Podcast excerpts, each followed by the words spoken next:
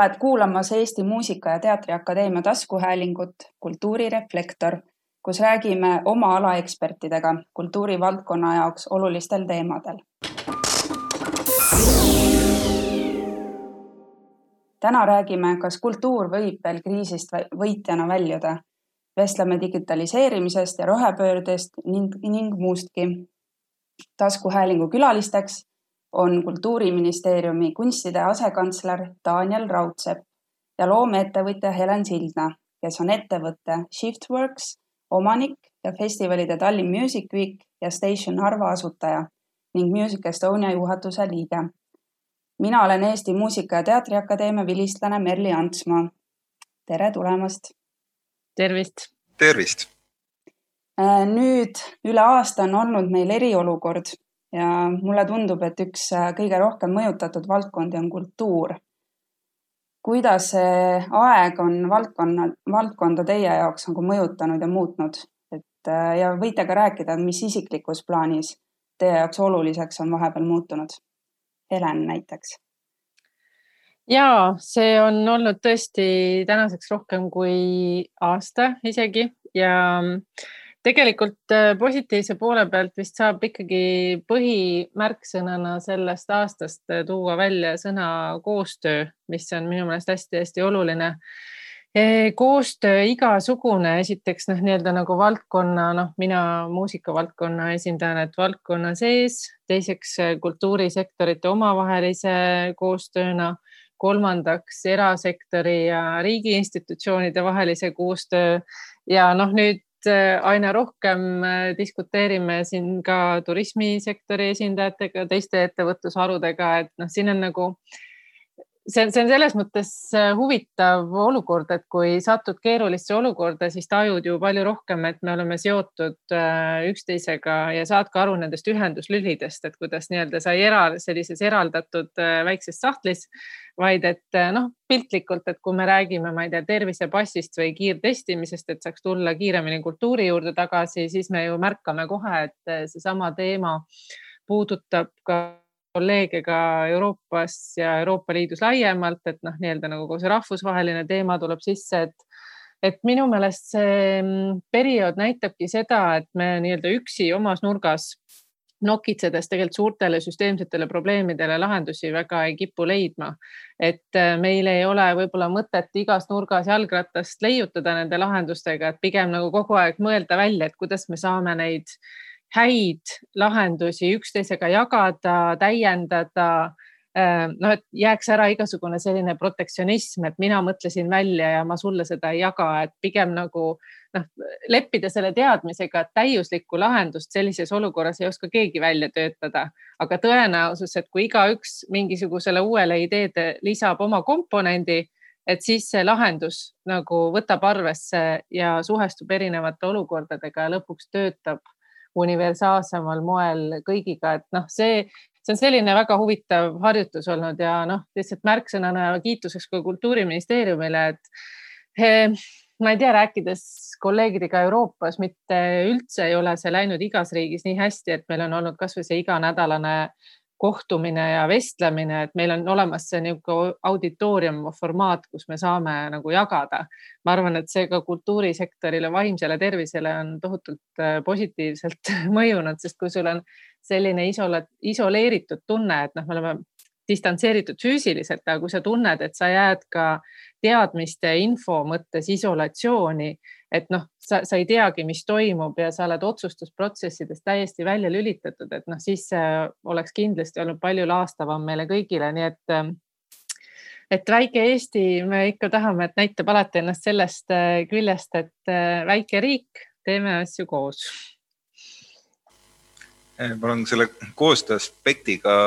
väga nõus, et eh, seda ma saan küll öelda, et, et ma ei taju ka seda protektsionismi probleemi, et, et võib-olla see on siis ka kriisi peale tulles eh, oluliselt leevenenud tegelikult, et me tõesti teeme koostööd, räägime ka ministeeriumi poole pealt pidevalt kultuurivaldkonnaga teemasid läbi ma arvan, et see on hästi-hästi tähtis ja peab, nüüd see on nüüd see asi, mille ma tahaks kindlasti kriisist kaasa võtta, et, et see nüüd ära ei kaoks, eks ju, et kui meil ühel hetkel seda paha viirust enam noh, sellisel hulgal ei ole, et, et siis lõpetame selle, lõpetame selle koostöö ära ja, läheme igaüks oma nurka tagasi. ma usun, et seda ei juhtu tegelikult sellepärast, et, et me oleme juba harjunud,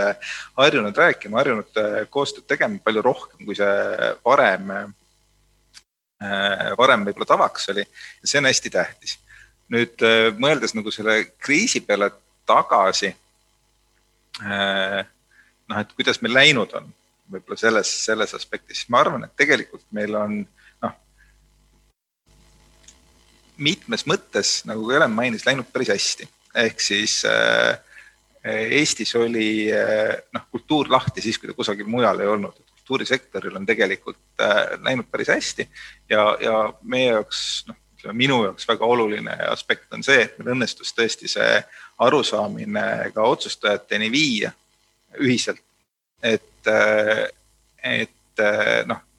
kultuuris väga, on väga palju tegevusi, kus ei ole suurt riski ja tõepoolest õnnestus siis ka, siis ka kultuur lahti hoida. noh, päris viimast, viimaste hetkedeni, eks ju, kui ta siis nüüd taas ikkagi sulgus nagu, nagu teistes riikideski ta siis lõpuks, lõpuks juhtus ja noh, ütleme seda valu me peame siin ühiselt ühiskonnana taluma, aga, aga see, mida me kõik ootame ju on see, et me saaksime, saaksime nende, ütleme siis selle füüsilise ja eh, niisugust kohalolekut võimaldava kultuuritarbimise juurde eh, tagasi liikuda. Nende seoste osas ma olen samuti väga nõus, et eh, noh, need seosed maailmaga olid enne, et Eesti ei ole saar, et, et kui me vaatame noh, ükskõik mida me teeme, kui me räägime ma ei tea, kultuuri arengukavast, äh, digitaliseerumisest, need on kõik globaalsed protsessid. ehk siis nad ei ole kuskil eraldi. Äh, me oleme sellesse üleüldisesse voolu haaratud, eks ju, me peame kõige sellega oma kultuuripoliitikas selgelt arvest, arvestama ja nendest trendidest püüdma võita, kriis või mitte. Eesti on selles osas olnud ka väga tubli tegelikult, ma arvan, et, et me oleme väga palju nendest äh, globaalsetest trendidest suutnud võita. ma arvan, et me äh, ja, ja ma arvan, et kultuuril on siin tegelikult äh, veel palju võimalusi ees. aga kui palju tasuks selliseid mustemaid stsenaariumeid läbi mängida, et just meil oli eksperteetris saates äh, külas Viola Murd siseministeeriumist ja tema nagu siis äh, soovitas alati tegelikult läbi mängida karmimaid olukordi ka, et, et kui pärast on nagu tegelikult kergem, et siis on lihtsalt väga tore õppus olnud. aga. ma arvan, et iga, igaüks me peaksime mõtlema sellele, et, et milline on meie siis äh,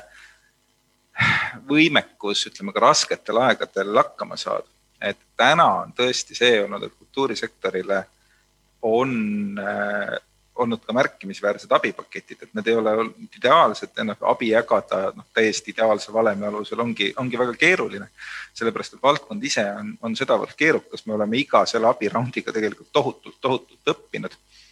Äh, aga kindlasti tasub igalühel läbi mõelda see, et mida ta ise teha saab, et see on täiesti noh, ütleme, et ma arvan, et ühel kultuurikorraldajal meil täna seda paketti ei ole, aga, aga põhimõtteliselt, kui me räägime sellest, et noh, kui Päästeametigi seda kampaaniat, et mis peaks igaks juhuks kodus olema, need asjad, eks ju, et siis ma organisatsioonina tegelikult peaksin samamoodi läbi mõtlema nüüd selle, et, et mis asjad on need, mida ma ise saan ka teha selleks, et kui mul, kui mul, kui olukord muutub keeruliseks või keerulisemaks, kui ta täna on või jääb kestma. Et äh, loomulikult on siin noh, poliitilised sammud, mida saame meie astuda ja, ja astumegi noh, ka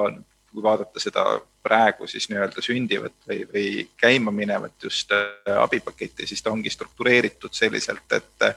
et äh, aidata siis ka kultuurikorraldajatel mõelda sellele, ütleme siis sellele pikemale perspektiivile, et mis saab edasi, pakkuda kindlust,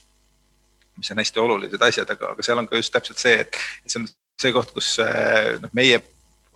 lootus on, et kõik mõtlevad ka ise läbi täpselt selle, ütleme selle säilenõtkuse aspekti oma organisatsioonis ja selle kohanemise aspekti oma organisatsioonis, mida teha teisiti. et noh, siit ei saa, eh, ütleme, et ma arvan, et ei ole mõistlik, et noh, keskselt ka mingisuguseid käsulaudu jagada, sellepärast et iga organisatsioon on natukene erinev, aga, aga teatavad printsiibid, ma arvan, me saame ikkagi kokku leppida ja ma võib-olla siis võtaks sellest teema mõttenurgast kinni, et ähm,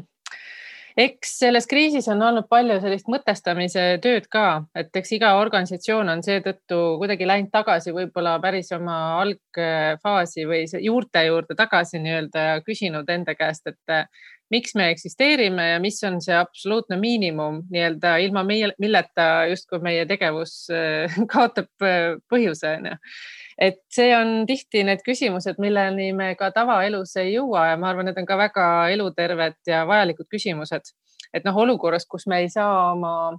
ähm, noh, ma ei tea, artistidele, loojatele, aga ka publikutele pakkuda nii-öelda sündmusi, siis kas on midagi, mida me saame pakkuda neile, et noh, et mis on see väärtus või sisu, mida me saame neile luua et äh, ise jääda relevantseks ja et äh, pakkuda siis inimestele ka midagi motiveerivat ja sellist noh, inspireerivat, ülestõstvat. et selliste küsimuste juurde tagasi tulemine on alati hästi vajalik äh, iga organisatsiooni nagu e-, elule ja tervisele. aga noh, see teine, teine perspektiiv on muidugi, et äh, leib laual ja nii-öelda äh, Eh, katus pea kohal, et eh, selles osas eh, muidugi on tohutult hea meel, et see järgmine, käesoleva aasta kriisipakett ikkagi ka sellisel kujul teostatud saab, noh, see ei ole nüüd küll veel ava, avalikkusele taotlejatele nagu saanud kättesaadavaks veel, aga ilmselt noh, lähipäevadel tuleb es-, ma võin öelda, esmaspäeval avaneb esimene ah,, no, riburada pidi tulevad järgmised, nii et reedel on infopäev, et selles on, ma ei tea, kas see podcast läheb ennem online'i või, või hiljem, aga, aga tuleb, tuleb. super, see on kõik suurepärane ja, ja see omakorda see selline nagu ressursi või noh, see toetus ja kriisipaketi olukord on pannud meid veel midagi väga ana, olulist analüüsima, et kes meil selles valdkonnas tegelikult veel tegutsevad, kes tegutsevad siin väljal, kes on osa sellest väärtusahelast või ökosüsteemist või kuidas iganes kellelegi meeldib öelda, ehm, kes võib-olla tavaolukorras ei äh, puutugi ministeeriumiga ja riigiga kui sellisega kokku aga, aga antud olukorras meil oli vaja nii-öelda need tipud üle lugeda või saada aru, et kes tegelikult nagu tegutsevad meil. ja see on üks hästi oluline lähtekoht kogu valdkonna jaoks, et nüüd, kui me justkui teame, mis need seosjooned on ja kuidas nad omavahel sõltuvad on, siis äkki me oskame tulevikus seda habrast süsteemi veelgi paremini äh, hoida ja säilitada ja saame aru, mis sõltub millest. Ja antud olukorras siis me ei räägi ainult äh, sisuvaldkondadest endist, aga räägime võib-olla ka teenusepakkujatest ja, ja võib-olla tänu sellele saame sellele mõistele, et äh, kes on professionaalne tegutseja kultuuriväljal, ka mingisugused uued tähendused äh, külge panna mingil, no et need erinevad kompetentsid ja pädevused, et ähm, mis toetavad siis seda kultuuri sisuloomet või, või, või kunstide maastikku nii-öelda aga noh, eks korraks tagasi minnes veel mustade stsenaariumite juurde, et kõige raskem igale ühele, kes teeb tööd, on teha tühja tööd. et noh, nii-öelda teha midagi, mis on justkui nagu perspektiivitu, et noh, igasugused need edasilükkamised teadmatus suunas on loomulikult äh, rasked asjad mentaalselt inimestel tegutseda ja, ja siin me jõuame selle küsimuseni, et isegi kui meil oleks palgaraha maksta, kuidas me hoiame inimesi enda juures. et noh, meil vahel, vahel niisuguse nagu musta huumori mõttes oleme siin öelnud, et ah, no vot, et äh, muusikafirmadest äh, inimesed lähevad Bolti tööle et äh, seda me ju ei taha, et juhtub valdkonnast, et me väga oluline on selles sektoris hoida need talendid ja tegijad enda lähedal, et me ei, me ei, meil see sektor ei jookseks inimestest tühjaks. Et üks asi on rahaline kindlus, aga teine asi on just see perspektiivi loomine ja iseenda tähenduse mõtestamine, et see on olnud hästi oluline osa sellest et äh, ma siin täiendaks, et tõepoolest, et kriis on toonud väga palju ilmsiks äh, noh, ütleme seda, et, et kui keeruline on kultuurivaldkond. ja, ja tõepoolest, eks üks asi, mis juhtus teatud mõttes on see, et kui me räägime sellest niisugusest loogikast, kus riik tavaliselt sekkub Äh, siis äh, noh, ütleme, ta sekkub sellistes kohtades, kus on nii-öelda siis turutõrge, et noh, mida see lihtsustatult öeldes tähendab, on see, et, et see, et kus noh,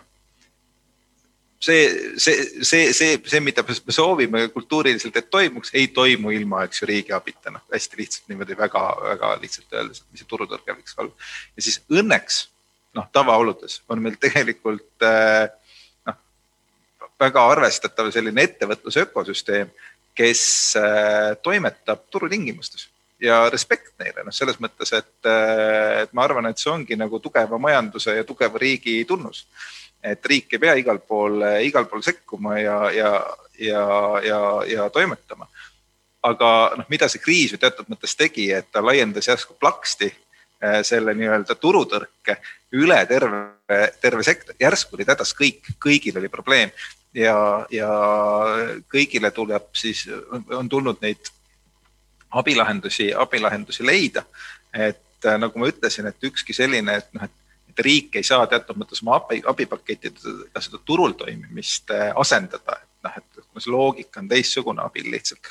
äh, siis ükski abipakett ei ole täiesti ideaalne. aga noh, me oleme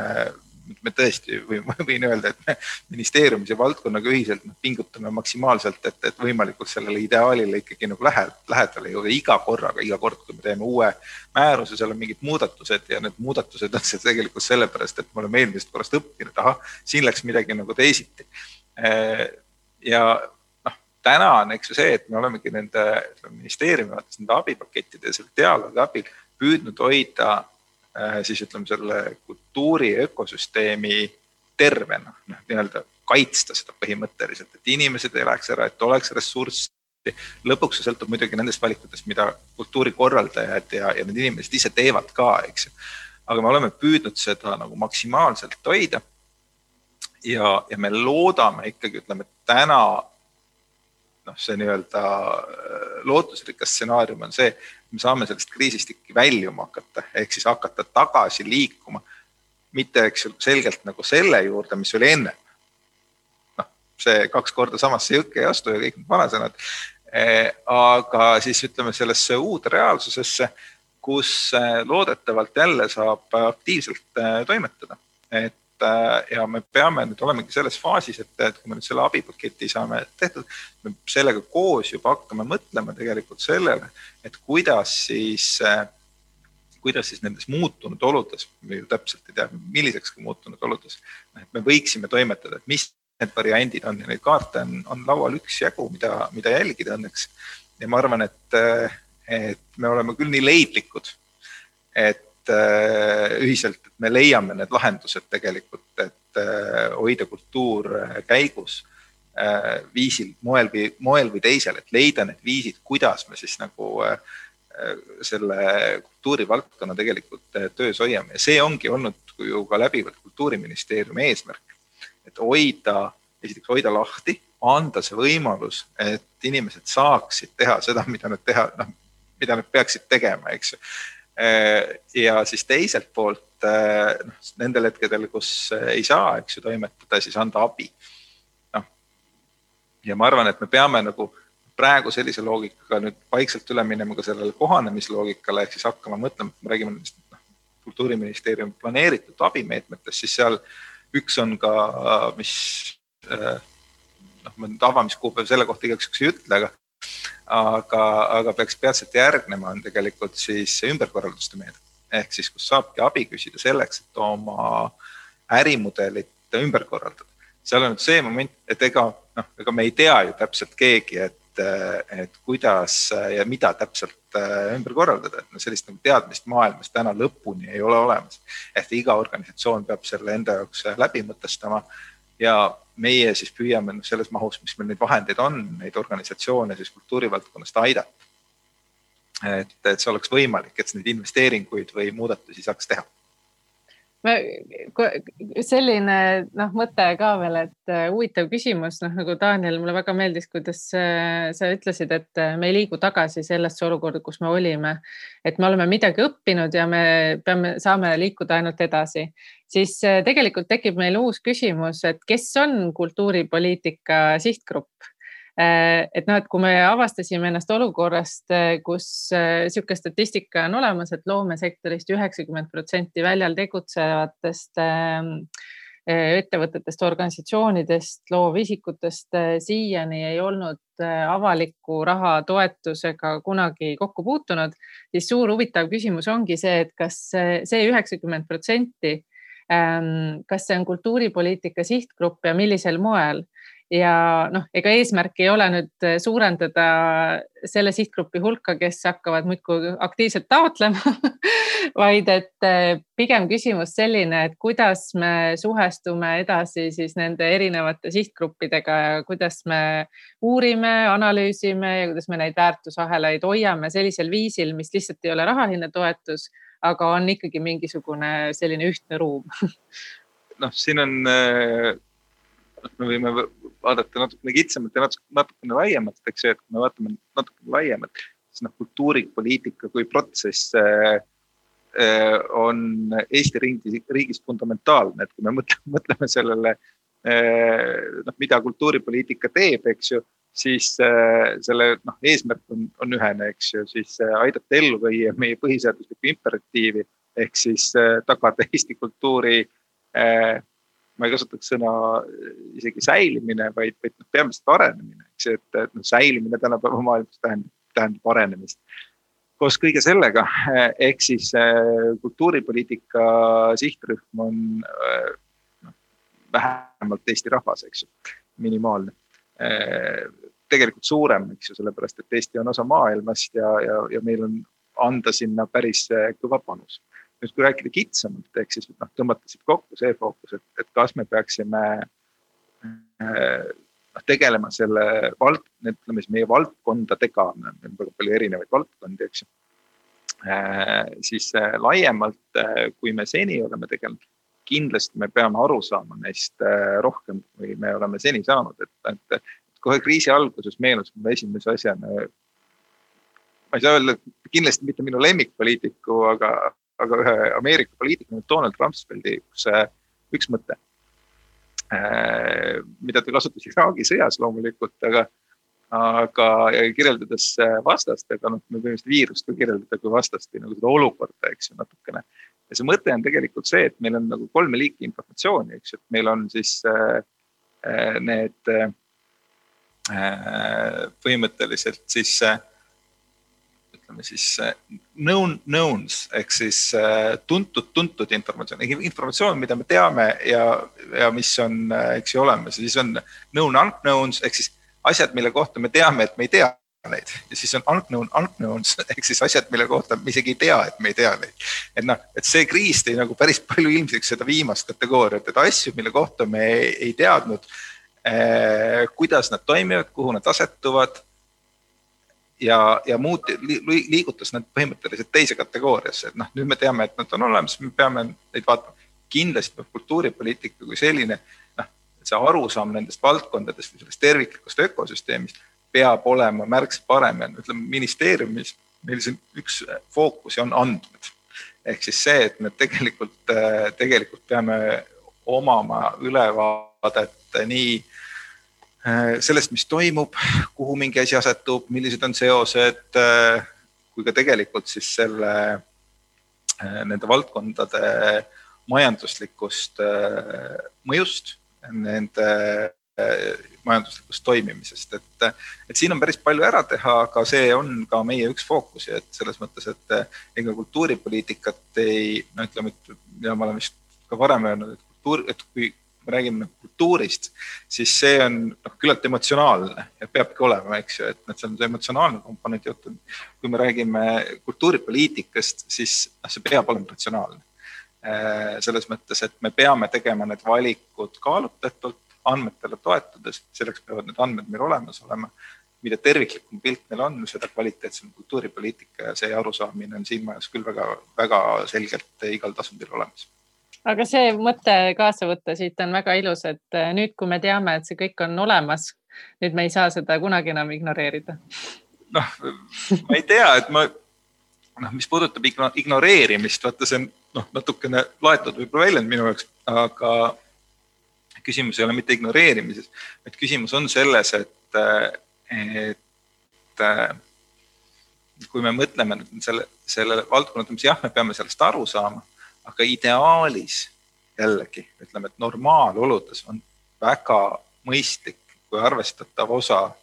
eh, ka kultuurivaldkonnast toimetab turutingimustes ja saab seal hästi hakkama, et riik ei pea nagu tulema, ei pea igale poole tulema sekkuma, kus tegelikult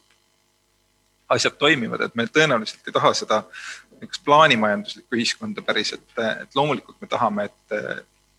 et riiklik kultuuripoliitika aitaks äh, seda põhiseaduslikku imperatiivi ellu viia, seda peabki tegema, eks ju. ja toetaks õigetes kohtades, et äh, noh, me räägime, kui me räägime Eesti kultuurist, me räägime ikkagi noh, täiesti maailma tasemel nähtusest, kui me mõtleme, millised on meie tipud. väike riik, aga tipud on ikka väga-väga kõrged. aga tegelikult ongi hea minna siit äh, kahe sellise äh, pöörde juurde, mis on tegelikult äh, väga oluliseks muutunud. üks on digipööre ja teine on rohepööre. et võib-olla räägikski digitaliseerumisest enne, et kuidas me kultuurivaldkonnas kõige paremini võiks seda eh, kuidagi ära kasutada või seda edasi viia? no kui võib, ma alustan, et teen otse lahti, et, et mis on olnud päris äh, sellele kriisile omane, et me oleme olnud nüüd äh, aastapäevad ja peale, eks ju, ühes äh, digikiirendis ehk siis äh, meil ei ole lihtsalt midagi muud üle jäänud, et meil on pandud olukorda, kus me füüsiliselt kokku ei saa saada või saame palju vähem saada ja füüsiliselt kultuuri äh, nautida. ja see on siis äh, tekitanud päris palju päris äh, niisuguseid pöördumatuid muudatusi võib-olla et üks neist on kindlasti see, et, et me oleme pidanud ja ka paljud organ-, kodumaised organisatsioonid on pidanud lihtsalt nagu tegema selle järsu hüppe sinna digitaalsesse maailma, et eh, ja on tekkinud erinevad lahendused, digitaalsed näitused, eh, haridusprogrammid muuseumides, eh, kontserdid ja, ja, ja palju-palju muud. Siis teine pool on see, et, et see kriis on tekitanud ka sellise päris ränga, eks ju, digitaalse lõhe ehk siis äh, platvormid riisuvad koore, äh, võib selle kohta öelda, või suured platvormid, et kui me vaatame seda, et äh, kes on kriisist võitnud, siis noh, Netflix, kindlasti Tidal, noh, mul on vist, ma ei tea, kolm muusikaäppi praeguseks, Idagio, Tidal ja Spotify, eks ju. kõik, igalt poolt me päris kõiki asju ei saa siis mingid äh, netiasjad, seda kõike mul ennem ei olnud, et noh, ei olnud seda vaja, et ma käisin, sain oma selle kultuurilaksu kusagilt mujalt kätte. ja nüüd on see küsimus, et kuidas Eesti kultuur selles keskkonnas hakkama saab. Äh, ja see on väga-väga oluline küsimus selles mõttes, et, et kui me vaatame, siis ütleme selliseid ka OECD maade uuringuid, siis laste ja noorte seas Äh, kui me vaatame e-, noh, ka, ka Eestit tervikuna, et noh, kui me vaatame siis äh, seda, et noh, meil on kultuuris osalemise määr tegelikult tohutult äh, hea või noh, ütleme, et ta on seal natukene alla kaheksakümne protsendi. noh, kaheksakümnega me jõuaksime ütleme siis nagu Euroopa absoluutsesse tippu. siin on natukene maad minna, ütleme nii. aga see pilt ei ole üldse nii hea näiteks laste ja noorte puhul mis on meeletult oluline ja siin on see trend, eks ju, et kui me vaatame seda digitaliseerumise järsult kiirenevat trendi, kus nemad oma aega, viidavad. Nad viidavad kõigil nendel platvormidel oma aega. Nemad on need, kes tulevikus ostavad endale äh, koju NFT, eks ju, mitte mitte mingit füüsilist asja äh, ja nende jaoks on see täiesti loomulik selles mõttes, et meie jaoks see tekitab võõristust, minu generatsiooni jaoks veel. ma ostan, mis asja, ma ostan mingi virtuaalse kopeeritava asja siis need noored inimesed on harjunud ostma, noh, tarbima digitaalset maailma, maksma selle eest raha, soetama asju, mis päris maailmas ei eksisteeri, nautima seal sündmusi, mida päris maailmas ei toimu. ja, ja selle trendiga me ütleme ja see on väga oluline trend just sellesama, ikka sellesama põhiseadusliku interaktiivi seisukohalt, eks ju, et me peame nagu suutma jõuda selleni ka, et, et ka nendel noortel inimestel on võimalik äh, osa saada Eesti kultuurist, et me neid noh, me ei tõmba sealt neid sellest digimaailmast välja mitte kuidagi. me peame ise minema sinna sisse ja, ja olema valmis äh, selleks, et ja, ja pakkuma neile seal seda, mida nad ootavad. mitte mida nad ootavad, vaid väga palju ka seda, mida nad ei oota. ma arvan, ehk siis avardama nende maailma, see on ju see, mida kultuur teeb okei okay,, aga ma siis võtaks siit äh, jutujärje siiapoole, et ähm, no igasuguste uut tüüpi protsessidega või innovatsiooni sissetoomisega meie tegevus, tegevustesse on üks selline peamine väljakutse. et kui on tegevused, mida me siiamaani ei ole üldse praktiliselt teadlikult teinud, noh, on nagu selline juhuslikkuse äh, printsiibil toimunud äh, areng, siis põhiküsimus on see, et kui me ühest hetkest nagu otsustame, et okei okay,, digipööre on kultuuris oluline, siis piltlikult me peaks ju kohe otsustama, et kuskilt peaks tulema nagu kakskümmend protsenti uut aega ja uut ressurssi ja uut, noh, põhimõtteliselt eelkõige just nagu aega, tiime ja töötunde et me paneks nii-öelda uute protsesside käivitamisse. Et kui me tahame, noh, igaüks, kes teab, kes oma organisatsioonis on mingit suurt muudatust tahtnud ellu viia, eh, toonud sisse mingisugune teemaliini, mida siin enne ei olnud ja kui sa ei reserveeri selle jaoks nii-öelda meeskondade aega, mõtteruumi, eh, eraldi kohtumisi, eraldi tegevusliini, siis noh, ega see juhtuma ei hakka, et ta võib ju strateegia strateegiasse ja arengukavast arengukavasse justkui kirjas olla, aga noh, päriselus asjad edasi ei liigu et nüüd on siis see küsimus, et äh, me oleme kõik väga selgelt saanud aru, et äh, nii enam edasi, et noh, nagu Toomas Hendrik Ilvese legendaarne lause, et see, mis tõi meid siia, ei vii meid siit enam edasi et kui me oleme sellesse kohta jõudnud, siis ongi need valusad küsimused, et okei okay,, aga millised muudatused siis tulevad protsessidesse sisse nii igas organisatsioonis, ettevõttes individuaalselt kui ka sellesse suurde koordineeritud protsessi, et me, meil tekiks aega ja võimekust ja tiime, kes sellega tegelevad. et see on minu meelest kõige olulisem küsimus aga noh, mis oli huvitav, äh, noh, toim-, on ju mitmed arutelud siin toimunud äh, selles vallas ka, et mina isiklikult olin äh, noh, parimas mõttes, positiivses mõttes hästi üllatunud, kui teadlikud tegelikult kultuuriorganisatsioonid sellest on, et see teadlikkuse tase ja vajaduse tunnistamine on palju kõrgemal tasemel, kui võib-olla me oleks osanud oodata, et tegelikult palju on juba tehtud, et kunstimaailmas äh, on palju tehtud ja muuseumi kiirendit näiteks kiidetakse väga, väga, mida äh, kultuuriministeerium on juba rakendanud, et et äh, noh, see eeldab sellist uut tüüpi tegevusi ja mõtteruume, aga noh, siin on palju komponente selles vestluses. noh, tuleks valdkonnas pidada debatti, et kas peaks olema kultuuri digiarengu kompetentsikeskus kas peaks olema noh, mingisugune koordineeriv tiim, kes aitab seda kõike nii-öelda üleval hoida, edasi arendada. noh, siis on loomulikult äh, võimekused, kompetentsid, mis tüüpi inimesi me palkame oma meeskondadesse ähm,. autorikaitse teema jookseb siit hästi tugevalt sisse, on tohutult mitmekihiline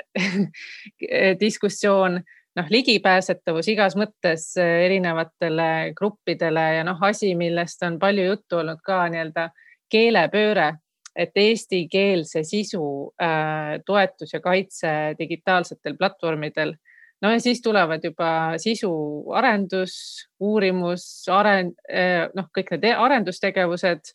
ähm,, täiesti digitaalsete kunstivormide küsimus aga noh, mida Daniel mainis ka, et äh, platvormide arendus ja, ja koostöö suurte platvormidega, et äh, ja, ja veel eraldi teema, täiesti peatükk, äh, erinevad uued, uut tüüpi tuluallikud, rahastamismudelid, investeerimispraktikad. Et noh, üks asi, mis minule teeb alati muret, eriti kui me räägime riiklikus kontekstis digiarengust, on see, et digi, teerime ja teeme kõik hästi kättesaadavaks. Ja siis tuleb üks suur küsimus, aga kas see kõik peaks olema tasuta, et kas see on mingi vaba vara tekitamine nii-öelda, et selline tohutu ühiskondlik hüve, mida me loome. et sellise küsimuse võiks ka õhku visata. Ja mina äh, pakuks siin seda vaadet, et äh, see digitaalne turg peab olema samamoodi ettevõtlusmudeleid äh, soodustav ja loov, et äh, et noh, meie eesmärk ei ole see, et avaliku rahu, rahaga tehtud tooted ja teenused peavad olema kõik digitaalselt nii-öelda tasuta kättesaadavad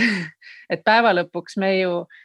loome oma tulevikuturgu, kus täpselt samamoodi nagu Daniel noh, super hästi sa ütlesid, et me ju tahame, et kõik saaksid iseseisvalt nii palju hakkama kui vähegi võimalik.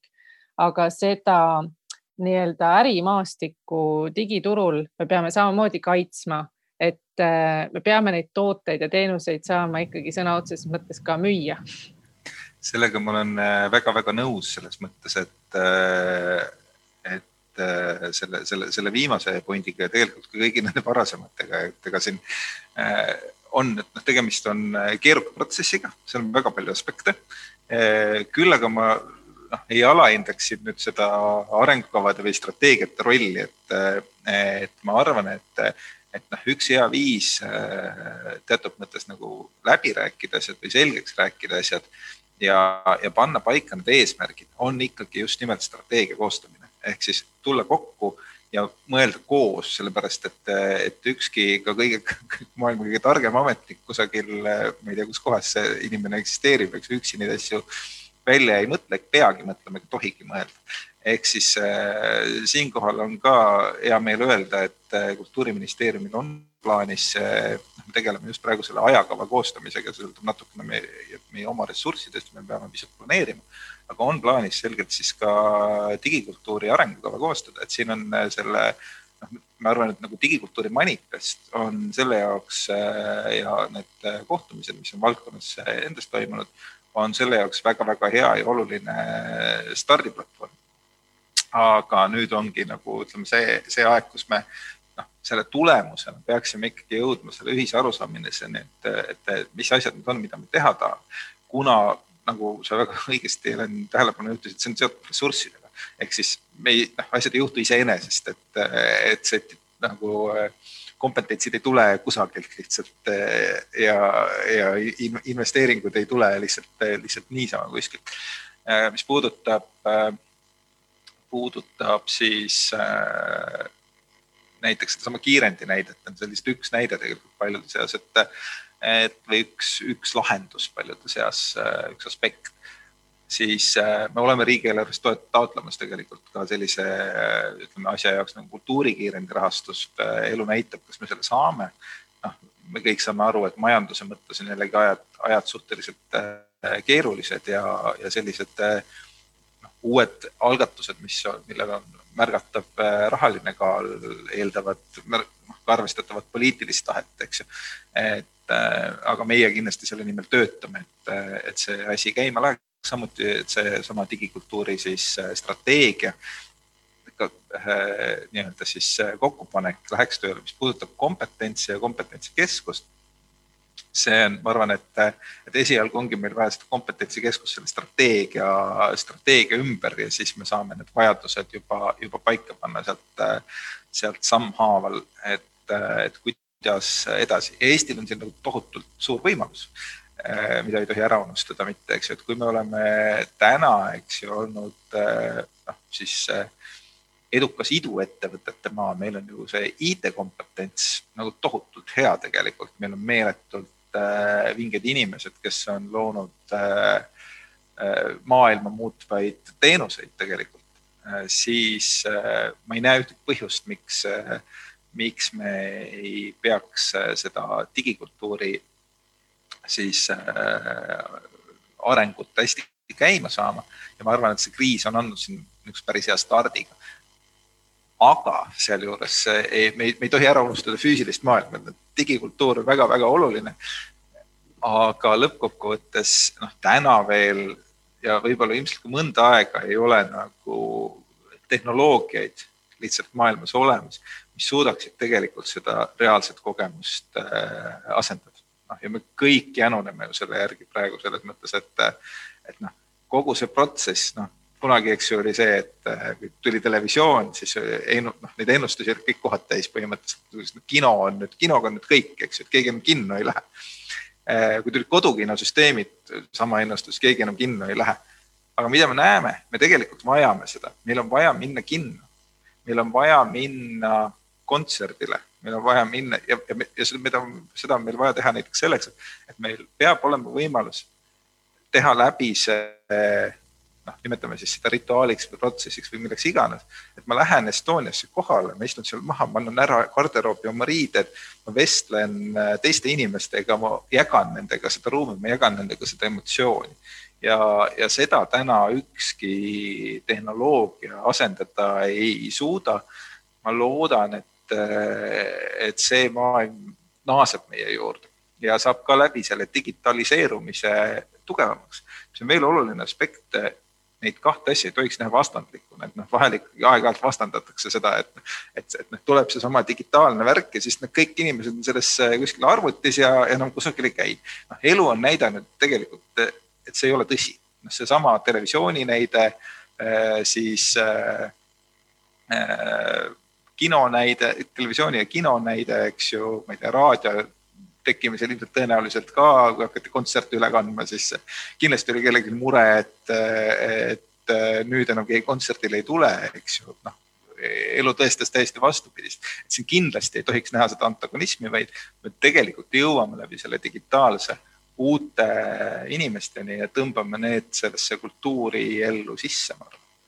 ja pigem see on jah tore mõte, et see on selline valikuvõimalus, noh muusikast hea näide, et äh, vinüüli tootmine teeb sellist head äh, tagasitulekut ja comeback'i, et äh, kuigi need protsessid muusikas on ju nagu ka hästi step, nagu sammhaaval läinud, et vinüülidest tulid CD-d ja siis tulid nagu failid ja siis tuli streaming ja, aga õnneks need protsessid ei ole ükski lihtsalt üks lineaarne sirge joon, et see lihtsalt läheb kogu aeg ühes suunas, et äh,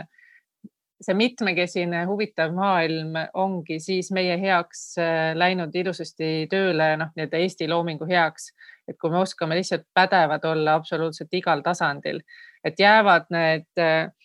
väikesed kontserdikohad ja teatrid, jääb äh, selline väga limiteeritud koguses tiražeeritud eksklusiivsete mingite muusikaväljaannete loomine aga samas me oleme suutlikud ikkagi ka digitaalsel turul lüüa, et see mitmekihiline, mitmetasandiline kultuurielu on nagu noh, see, see ilus eesmärk. mulle meenub tegelikult äh, just selle ühe meie taskuhäälingu äh, üks episood, äh, kus rääkis Joonas Tartu, noorsooteatri juht ja siis Grete Nellis, kes on PÖFF Shortsi juht. ja me rääkisime ka samamoodi sellest, et see kriis kiirendas äh, seda digipööret äh, ja samas äh, nad mõlemad olid nõus, et, et mingid osad olid väga head seal, näiteks üks näide oli, et õpetajad üle Eesti ei pea minema enam teatrisse, et saada ülevaadet, mis seal teatris toimub näiteks, et on õpetajate erinevad infotunnid.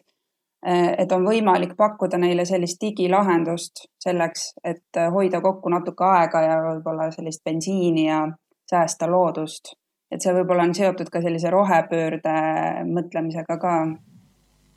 Siin ma kommenteeriks muidugi vahele, et viimasel ajal on neid arvutusi küll erinevaid, aga väga palju ja, ja need numbrid on päris suured, et noh, et digi ja rohe ei ole paraku üks ja seesama asi, et,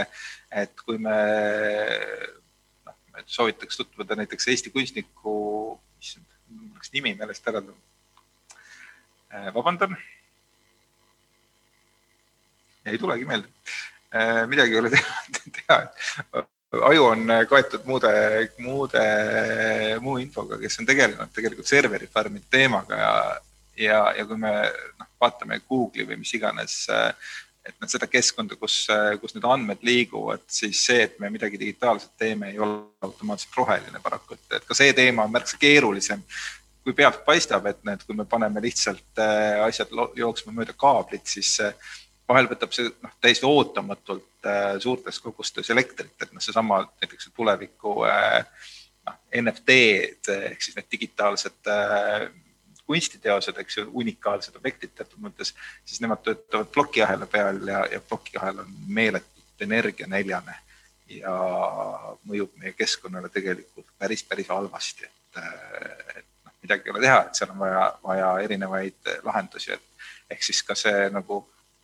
roheteema on, on kõvasti keerulisem, kui, kui pealt paistab. aga mul on õudselt hea meel, et ma tean, et äh, Shiftworks Eleni eestvõttel tegi ühe küsitluse, et äh, millest ilmneb küll väga hästi, et kõik on äh, noh, kas on nende teemad, nendele teemadele vähemalt mõelnud, kindlasti on valmis nendega tegelema. tõsi äh,, täpselt äh, nii on. no ühesõnaga mõlema selle protsessi puhul huvitavad märksõnad äh, digipööre, rohepööre äh, ilmnes ju tegelikult seda, et ähm, väga paljud valdkonna esindajad, organisatsioonid on hästi palju ise juba omal käel ära teinud. aga noh, kui me nüüd räägime üldse võib-olla rohepöördest, siis ähm, no see on tõenäoliselt kõige suurem väljakutse, mis inimkonnal üldse tervikuna üldse on olnud. Ja siis ju võib alati küsida seda küsimust, et ähm, kas väike Eesti, et noh, et kas tõesti sellel on nii suur olulisus, et äh, Eesti läheb ähm, teist teed, kui see on põlevkivi kaevandamine, et kas see siis suures pildis mängib nii suurt mingit küsimust, on ju. siis võib küsida, et kas see siis suurele pildi mõjule midagi tõesti nii palju annab, et Eesti kultuurisektor nagu teeb rohepöörde, et noh, lõpmatuseni võib küsida neid küsimusi, et äh, kas nüüd just mina ja kas see mängib mingit rolli, on ju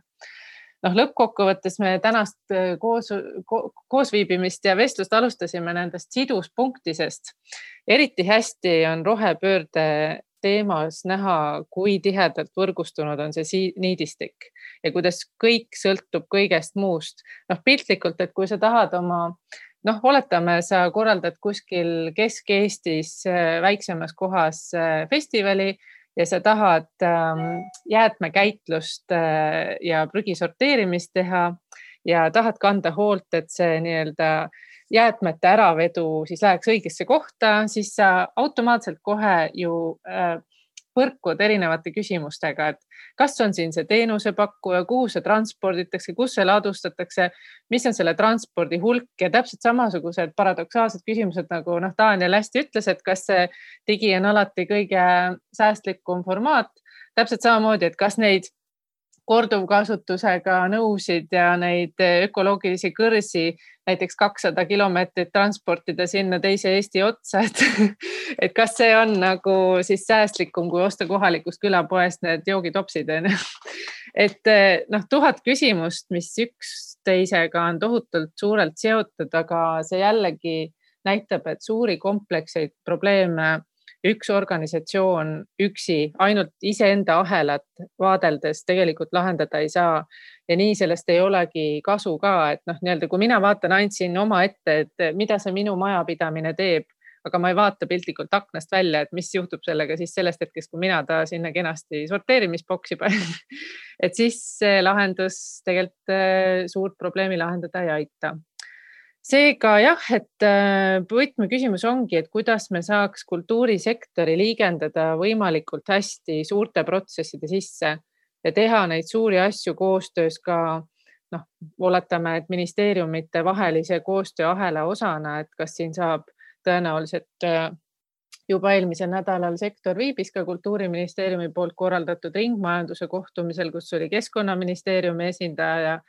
et äh, kindlasti on oluline, et äh, tekivad siin sellised seoskoostööd ministeeriumite üleselt, valdkondade üleselt ja kindlasti ka kultuurisektori ees, äh, sees, et noh, on olnud juttu, kas võiks olla kultuuriklaster näiteks, kus me siis nagu ühiselt töötaks välja sellise checklist'i või nii-öelda tööde nimekirja põhise, prioriteetide nimekirja põhise tegevussuuna et jällegi vältida seda, igaüks nokitseb oma, oma nurgas ja noh, meie kollektiivne suurim ülesanne on ju lõppkokkuvõttes. Äh, muuseas oli, oligi huvitav, see küsitlus näitas, et äh, kõige rohkem tahtsid kultuurisektori organisatsioonid panustada üleüldise teadlikkuse kasvule ja kommunikatsiooni toetamisele. et noh, kultuuril on ju see erakordne roll, et läbi kõneisikute ja läbi kommunikatsiooni turundustegevuste me saame õudselt palju aidata kaasa kogu Eesti käitumismustrite nagu uuendamisele. et vot, et kui kultuurisektor koonduks ja läheks toeks nii-öelda ka suur, suurtööstusele, olgu see Ida-Virumaal, et toetada õiglast üleminekut, eh, olgu see läbi selle kanali, et toetada loovsektori töökohtade loomet või siis inimväärset elukeskkonda või siis, et üldse aidata kommunikeerida, vastates küsimusele, miks see kõik on oluline ja, ja kes sellega veel tegelevad. et ma arvan, siin on kultuurisektoril tohutult palju võimalusi, kuidas me mitte lihtsalt iseenda köögikappi ei koristaks ära, vaid aitaks tegelikult kogu Eestil jõuda mingile teisele tasandile mul on väga õudselt hea meel seda mõtet kuulda, selles mõttes, et see on enam-vähem täpselt see, mida ma ütlesin esimeses ringmajanduse, ringmajanduse siis äh, rakkerühma äh, kohtumisel. Äh,. mille siis noh, ütleme siis protsessi üks osa on ka seesama töörühm, äh, millest sa rääkisid. Ja, ja seal on tõepoolest, et mina näen samamoodi seda ja ma arvan, et kultuurisektoris paljud, et, et kultuur saab sinna tee näitaja ja, ja võiks olla teeneid paljudes asjades. osad kultuurivaldkonnad on väga intensiivselt selle teemaga juba, juba tegelenud. mida me saame ära teha või ütleme, millest ma, mina usun, et peaks alustama teatud mõttes, ongi, ongi tegelikult see, et noh, kui me räägime, et noh, me saame aru, et tegemist on kompleksse teemaga ja me tegelikult noh, selleks, et noh, üks asi on, on kindlasti need sõnumid ja see, kuidas organisatsioonid ise käituvad. siis teine asi on nagu täiesti praktiline, ehk siis et ühtepidi noh, sellesama ringmajanduse rakkerühma väljundiks võiks olla siis ka teatud mõttes siis ringmajanduse teejuht kultuuriorganisatsioonidele, ehk siis kui ma ikkagi tahan, noh, ma mul on mingisugune kultuuriorganisatsioon, olgu selleks kontserdikorraldaja, muuseum, teater, mis iganes. seal on kino, seal on omaette spetsiifika, et kui ma neid ringmajanduse põhimõtteid rakendada, mida ma siis tegema pean? inimesed, ütleme siis, seal peab olema olemas hea koht, kust pihta hakata, eh, kust astuda need esimesed sammud ja, ja ka järgmised sammud, et siis nagu tõesti seda, neid põhimõtteid rakendada. Eh, ja teine pool on siis see, et, äh, et selleks, et rääkida sellest ja mul on väga hea meel öelda, et meil Kultuuriministeeriumi siis äh, ütleme Vabariigi Valitsuse tööprogrammis on siis meil ka üks ülesanne, mille nimi on siis äh, ettepanekud ja ettepanekud ja siis analüüs ütleme siis kultuurisektori keskkonnajalajälje vähendamiseks. ja sellega me kavatseme intensiivselt tegeleda selles mõttes, et, et esimene asi tegelikult on see, Äh, ja tuleb välja, et Eestis ei ole, mis on tegelikult tervele riigile päris suur väljakutse, on see, kuidas me seda mõõdame. ehk siis jälle seesama küsimus, et kuidas me saame ikkagi nagu täpselt aru, et kui suur see jalajälg siis täna on, et noh, me tegelikult ei saa, ütleme siis äh, keskkonnateemadega tegelevate inimeste ja, ja seda teadmist omavate inimeste sõnum on see, et me tegelikult ei saa üle võtta ei Soome mingisuguseid äh, metoodikaid üks-ühele ega ka UK omasid, mis on ju justkui maailmas olemas. et selleks, et nagu tegelikult aru saada, siis me peame ikkagi mõtlema sellele, et, et kuidas asjad meil siin käivad. Ja meil siin käivad asjad natukene teistmoodi kui teistes riikides, selleks et saada nagu adekvaatsed näitajad peame me arvestama tõesti nagu seda pilti, mis siin on, noh muuhulgas seda, et paraku, paraku meie elekter tuleb suures osas põlevkivist midagi ei ole teha, nii on. Äh, ja kui mul ei ole seda rohelise energiapaketti, siis mu elekter tuleb põlevkivist ja sellega on minu, minu jalajälg äh, või ütleme, keskkonnamõju kindlasti suurem kui, kui mõnes teises riigis, kus ma ei tea, kuuskümmend protsenti tuleb tuuleenergiast, eks ju, et, et noh, väga suur, äh, väga suur erinevus kohe. ja see on veel lihtne näide, eks ju, et neid, neid erinevusi on veel väga palju nii et mina usun siin, et nüüd üks esimesi samme peaks olema see, et me äh, koos ekspertidega tegelikult mõtleme või, või noh, paneme paika selle, et, et kuidas me selliseid asju mõõdame, kuidas me neist räägime, mis on seal oluline ja kuidas me saame sellest äh, ise aru, et ja siis me saame, siis järgmine samm on see või ka sellega paralleelselt me tegelikult saame mõelda sellele, et, et kuidas neid mõjusid, et mis on need sammud, et mida me teha saame, et neid mõjusid siis ka tegelikult vähendada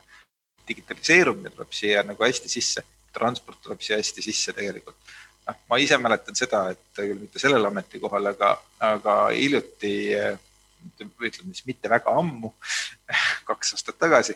olime ühel äh, suurel koosviibimisel, terve hulk Euroopa olulisi kunstiinstitutsioone ja siis ühel hetkel võttis üks äh, oluline institutsioon välja ühe, ühe slaidi ja seal peal oli, palun väga, Euroopa raudteevõrk. ja nemad ütlesid põhimõtteliselt seda, et teeme koostööd nendega, kuhu saame rongiga. ja minul oli niimoodi, et ma vaatan seda nagu rongiskeemi, eks ju, seal tean, et ma, minu institutsioon on sellel hetkel asub Tallinnas. ja no selge, noh, et, et kas siis nüüd ongi kogu lugu, et no, siis noh, et, et mida me siis teeme, et noh, digi on mingisugune võimalus. noh, loodetavasti see on terve hulk nagu keskkonnamõjule vaidlemist, aga, aga selle üle vist keegi ei vaidle, et rongiühendus on noh, ütleme siis otsese saaste, õhku paisutava saaste mõttes vist kõige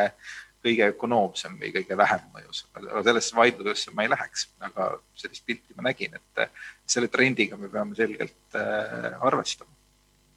ja, ja selleks on meil vaja endal aru saada, et, et kuidas me saame siin kohapeal seda keskkonnamõju ka vähendada ja kuidas me saame oma sellest, et äh, rahvusvahelise koostöö ära teha ka selles, nendes tingimustes, kus äh, inimesed ei soovi enam tulla meil lennukiga teatud kultuuri, ütleme niisugustes tundlikumates kultuurisektorites on, on seda juba näha, et kus öeldakse, et aga ma ei tule teile, et, ma ei kavatse kuhugi lennata, sellepärast et lennuki keskkonnamõju on lihtsalt liiga suur. et, et selles ja see toob välja ka selle probleemi globaalsuse päris kenasti. aga hakkame sellest pihta jälle, et, et teeme endale siin asjad selgeks. teeme selgeks selle, et kuidas me saame seda Äh, kultuurivaldkonna keskkonnamõju siis äh, mõõta, kuidas me saame sellest äh, selge pildi ette ja siis sel, ka selle, et loomulikult, et kuidas me saame seda või kuidas igaüks saab seda vähendada, et tõenäoliselt jälle ei tule siit Eesti on vaba maa, aga ma arvan, et kultuurisektor haarab sellest võimalusest kinni ja see küsimus, et miks seda teha,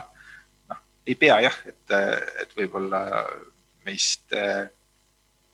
Eesti nagu sellest eh, jalajälg selles globaalses maailmas on niikuinii küllalt väike, eks. aga noh, see on natukene sama küsimus, mis on ligipääsetavusega, mulle tundub. et kui me täna oleme küpse ühiskonnaga jõu-, ühiskonnana jõudnud siin selle arusaamine ja mulle tundub, et oleme mul on selle üle kohutavalt hea meel. et me tegelikult eh, arvestame väga paljudes või seal, kus vähegi võimalik inimestega kellel ei ole samad võimed, mis meil kõigil, see on nii-öelda tavaline keskmine, eks ju. Äh, kellel, näevad võib-olla teistmoodi või, või liiguvad teistmoodi. noh, see minule vähemalt tundub täna elementaarne. ma loodan, et ka, ka paljudele teistele, et, et siis ma arvan, et see keskkonnaküsimus on natukene seesama küsimus, et see meie ühine vastutus, see on planeedi Maa inimeste või seal nende ühiskondade ühine vastutus, et me ei saa sellest äh, kõrvale põigelda ja öelda, et äh, ah, meist ei sõltu midagi ja et, äh, et kultuurisektor, et see on nii väike niikuinii, et noh, et siin kasutame plasttopse ja neid ühekordseid kõrsi ja, ja, ja kõike seda põlevkivienergiat ja, ja muud säärast edasi, et, et me ei saa niimoodi suhtuda lihtsalt. Ja ma arvan, et, et ka meie suur osa meie publikust ei aktsepteeriks sellist suhtumist, samamoodi nagu me ise ei aktsepteeri seda. Ehm, mul on alati selline tunne, et äh, kui hakata keskkonnateemadest rääkima ja kõigest sellest, kui suur on jalajälg, et siis äh, sellise suure nagu, äh, et ma üritan ise isiklikult kõike teha nii, et minust jääks vähe prügi järgi, aga see, kui sellest nagu tõesti rääkima hakata ja kõigest sellest, et, et mul on ka pilveteenused ja, ja muud asjad, et siis äh, muudab täitsa nukraks tegelikult. mina arvan, et nukker ei peaks olema, et noh, et siin ongi oluline see, et, et esiteks me ise üritame, see on tähtis. Äh, ja igaüks eri, üritab erinevalt aga siin ongi selle, selle üritamise erinevuse toobki siia sisse, ütleme, et see, see annab meile selgelt pildi, et tegelikult jällegi ei ole nagu neid häid andmeid igal pool. et me ei saa nagu neid otsuseid informeeritult teha, sellepärast et informatsiooni ei ole. me peame jõudma selleni, et meil oleks see informatsioon. et kui meil on see informatsioon, siis me saame teha ka informeeritud otsuseid ja tegelikult nagu olla kindlad selles, et meie nagu sammudel on mingi tegelik mõju. Noh, ja see on ma, ma täiendaks seda mõtet sellega, et äh, minu meelest on nii, et äh, tegelikult noh, me võime rääkida, et meil on just faktide järgne ajastu või mis siis iganes, aga noh, üldiselt faktoloogiliselt on nii, et äh, inimkonna käsutuses ei ole olnud nii palju fakte kunagi varem ajaloos. aga mis käitumismustreid muudab ja üldse inim, käitumist mõjutab, on lõppkokkuvõttes head inspireerivad narratiivid.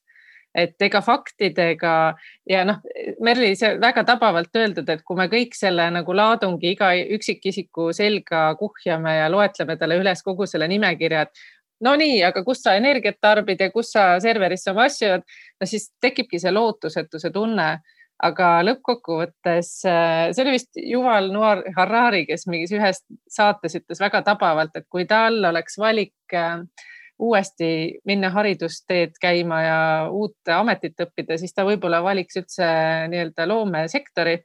Äh, võib-olla ta oleks näiteks tulevikus filmitegija, sest et ta tunneb, et millel tulevikus üldse on, teema kui ajalooline ütleb, et tulevikus on jõudu sellel, et me loome inspireerivaid narratiive, millega inimesed on valmis kaasa minema ja need on tavaliselt hästi lihtsad ja selged ja inspireerivad lood. et äh, siin on minu arust ka jälle mõtteainet, et mida, mida loomesektor saab ära teha, et selle asemel, et no ma ei tea, ka tehisintellektist rääkides, et me ei demoniseeriks ja looks terminaatoreid vaid võib-olla me looks sellise pildi tehisintellektist, kes aitab, äh, noh, ma ei tea, tuleviku panganduse korda teha, onju. et siin on hästi palju jõudu sellise positiivse fantaseerimisel ja sellega me ju saaksime siin sektoris väga hästi kaasa mängida sellega ma olen väga-väga nõus ja siin on üks äh, väga, üks küsimus, mis mind isiklikult on, on äh, pikka aega huvitanud ja see on siis ütleme, see düstoopia prevalveerimine kultuuris et äh, mis on, on, ongi nagu täitsa omaette probleem, sellega ma olen väga nõus, et, et noh, kõige püsivam materjal teatud mõttes on lugu, et äh, ja, ja kõik, kõik, kõige mõjuvam, et kui meil noh, kui me mõtleme mõnedele lugudele, siis osad lood on päris vanad, äh, mida me igapäevaselt te, te, te, te, teame ja tunneme, et üle mitmeid tuhandeid aastaid me räägime siin, eks ju, et kui me räägime sellest, läheme sealt tagasi, et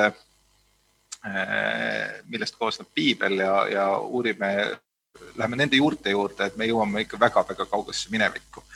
Äh, ja need lood on jõudnud meieni, nad on ühel viisil või teisel meie kultuuris äh, käibel ja nad tegelikult määravad meie käitumist. et väga-väga-väga püsiv ja väga-väga mõjus materjal, et üks, üks hea lugu, mis jääb kultuuris käibele, on meeletu jõuga asi, sellega ma olen väga nõus, nii et, et, et kui kultuurisektor oma tähelepanu sellele pöörab, et kuidas seda teed näidata e, läbi lugude, siis ma arvan, et e, me suudame teha nii mõndagi ja ma arvan, et me nüüd, et, et võib-olla tõesti siin ongi peidus lahendus nendele globaalsetele probleemidele, millega me, millega inimkond äh, vastakuti seisab. ma arvan, et see ongi uskumatu tõesti, et äh, vestluse käigus leidsime lahenduse, me peaksime ruttu seda kommunikeerima hakkama. just aga noh, tegelikult kahjuks ähm, hakkab meie vestlus läbi ka saama, aga lõpetuseks ma küsin teilt äh, kultuurisoovitusi äh,. kas lugeda, midagi vaadata, midagi kuulata? ja äh, minul on kaks soovitust. esiteks ma soovitan äh, kõigil äh, otsida Mari Kalkuni äh, kasvõi Facebooki profiililt, ta on jaganud seal uut koostöölugu, mida ta Islandi ambient, eksperimentaalse sellise ambient kollektiiviga nimega Tungleissa lõi, aga seal on üks fantastiline, täiesti teistmoodi koostööprojekt. Äh, Mari Kalkun ka natuke teises kontekstis, kui oleme harjunud kuulama selle videosingli, mis just üleeile ilmutati, nimi on Sortufen, see on mingi islandikeelne sõna, ma ei oska seda õigesti hääldada, aga seal on äh, produtsendina kaasas olnud ka Howie B. Äh, ja see on fantastiline lugu, mida kuulata. aga loo jutustamise mõttes mul tuli meel, millegipärast nädalavahetusel meenus äh, Ziga Vertoffi aastal kakskümmend üheksa üllitatud film Man with a movie camera see on kahekümnendate aastate üks päev kolme Ukraina linna töölisklassi elust ja sellel aastal kaks tuhat kolm tegi Briti bänd The Cinematic Orchestra fantastilise soundtrack'i. et äh, selle, selle loo kontekstis ma mõtlesin selle peale, et äh, kui keegi elustab sellise klassika, nagu oli aastal kakskümmend üheksa toimunud või, või, või siis ilmunud tumm film Äh, siis, äh, siis võiks nagu selle vana klassika juurde korraks tagasi minna ja, ja mõelda ka selle peale, et tänapäevane muusikal oleks pikem eluiga. Äh, suurepärane. mina võtaksin siit üle ja, ja soovitaksin, kui tohib, kolme asja. ja esimene asi oleks just praegu toimuv veebifestival Eesti muusikapäevad. guugeldage, minge sinna. ma arvan, et muidugi see ringkond, kes seda podcast'i kuulab, ilmselt juba on seal, aga ma ikkagi tungivalt soovitaks seda, et, et kui vähegi võimalik, siis äh, saage osa. siis äh, teised kaks on natukene kauakestvamad nähtused ehk siis äh, Eesti muusikapäevad saab varsti läbi, tuleb uuel aastal uuesti loodan, et siis äh, kas siis hübriidses vormis, aga kindlasti ka suures osas füüsilises vormis, ma väga-väga loodan seda. siis äh, järgmine oleks selline huvitav äh, kultuurinähtus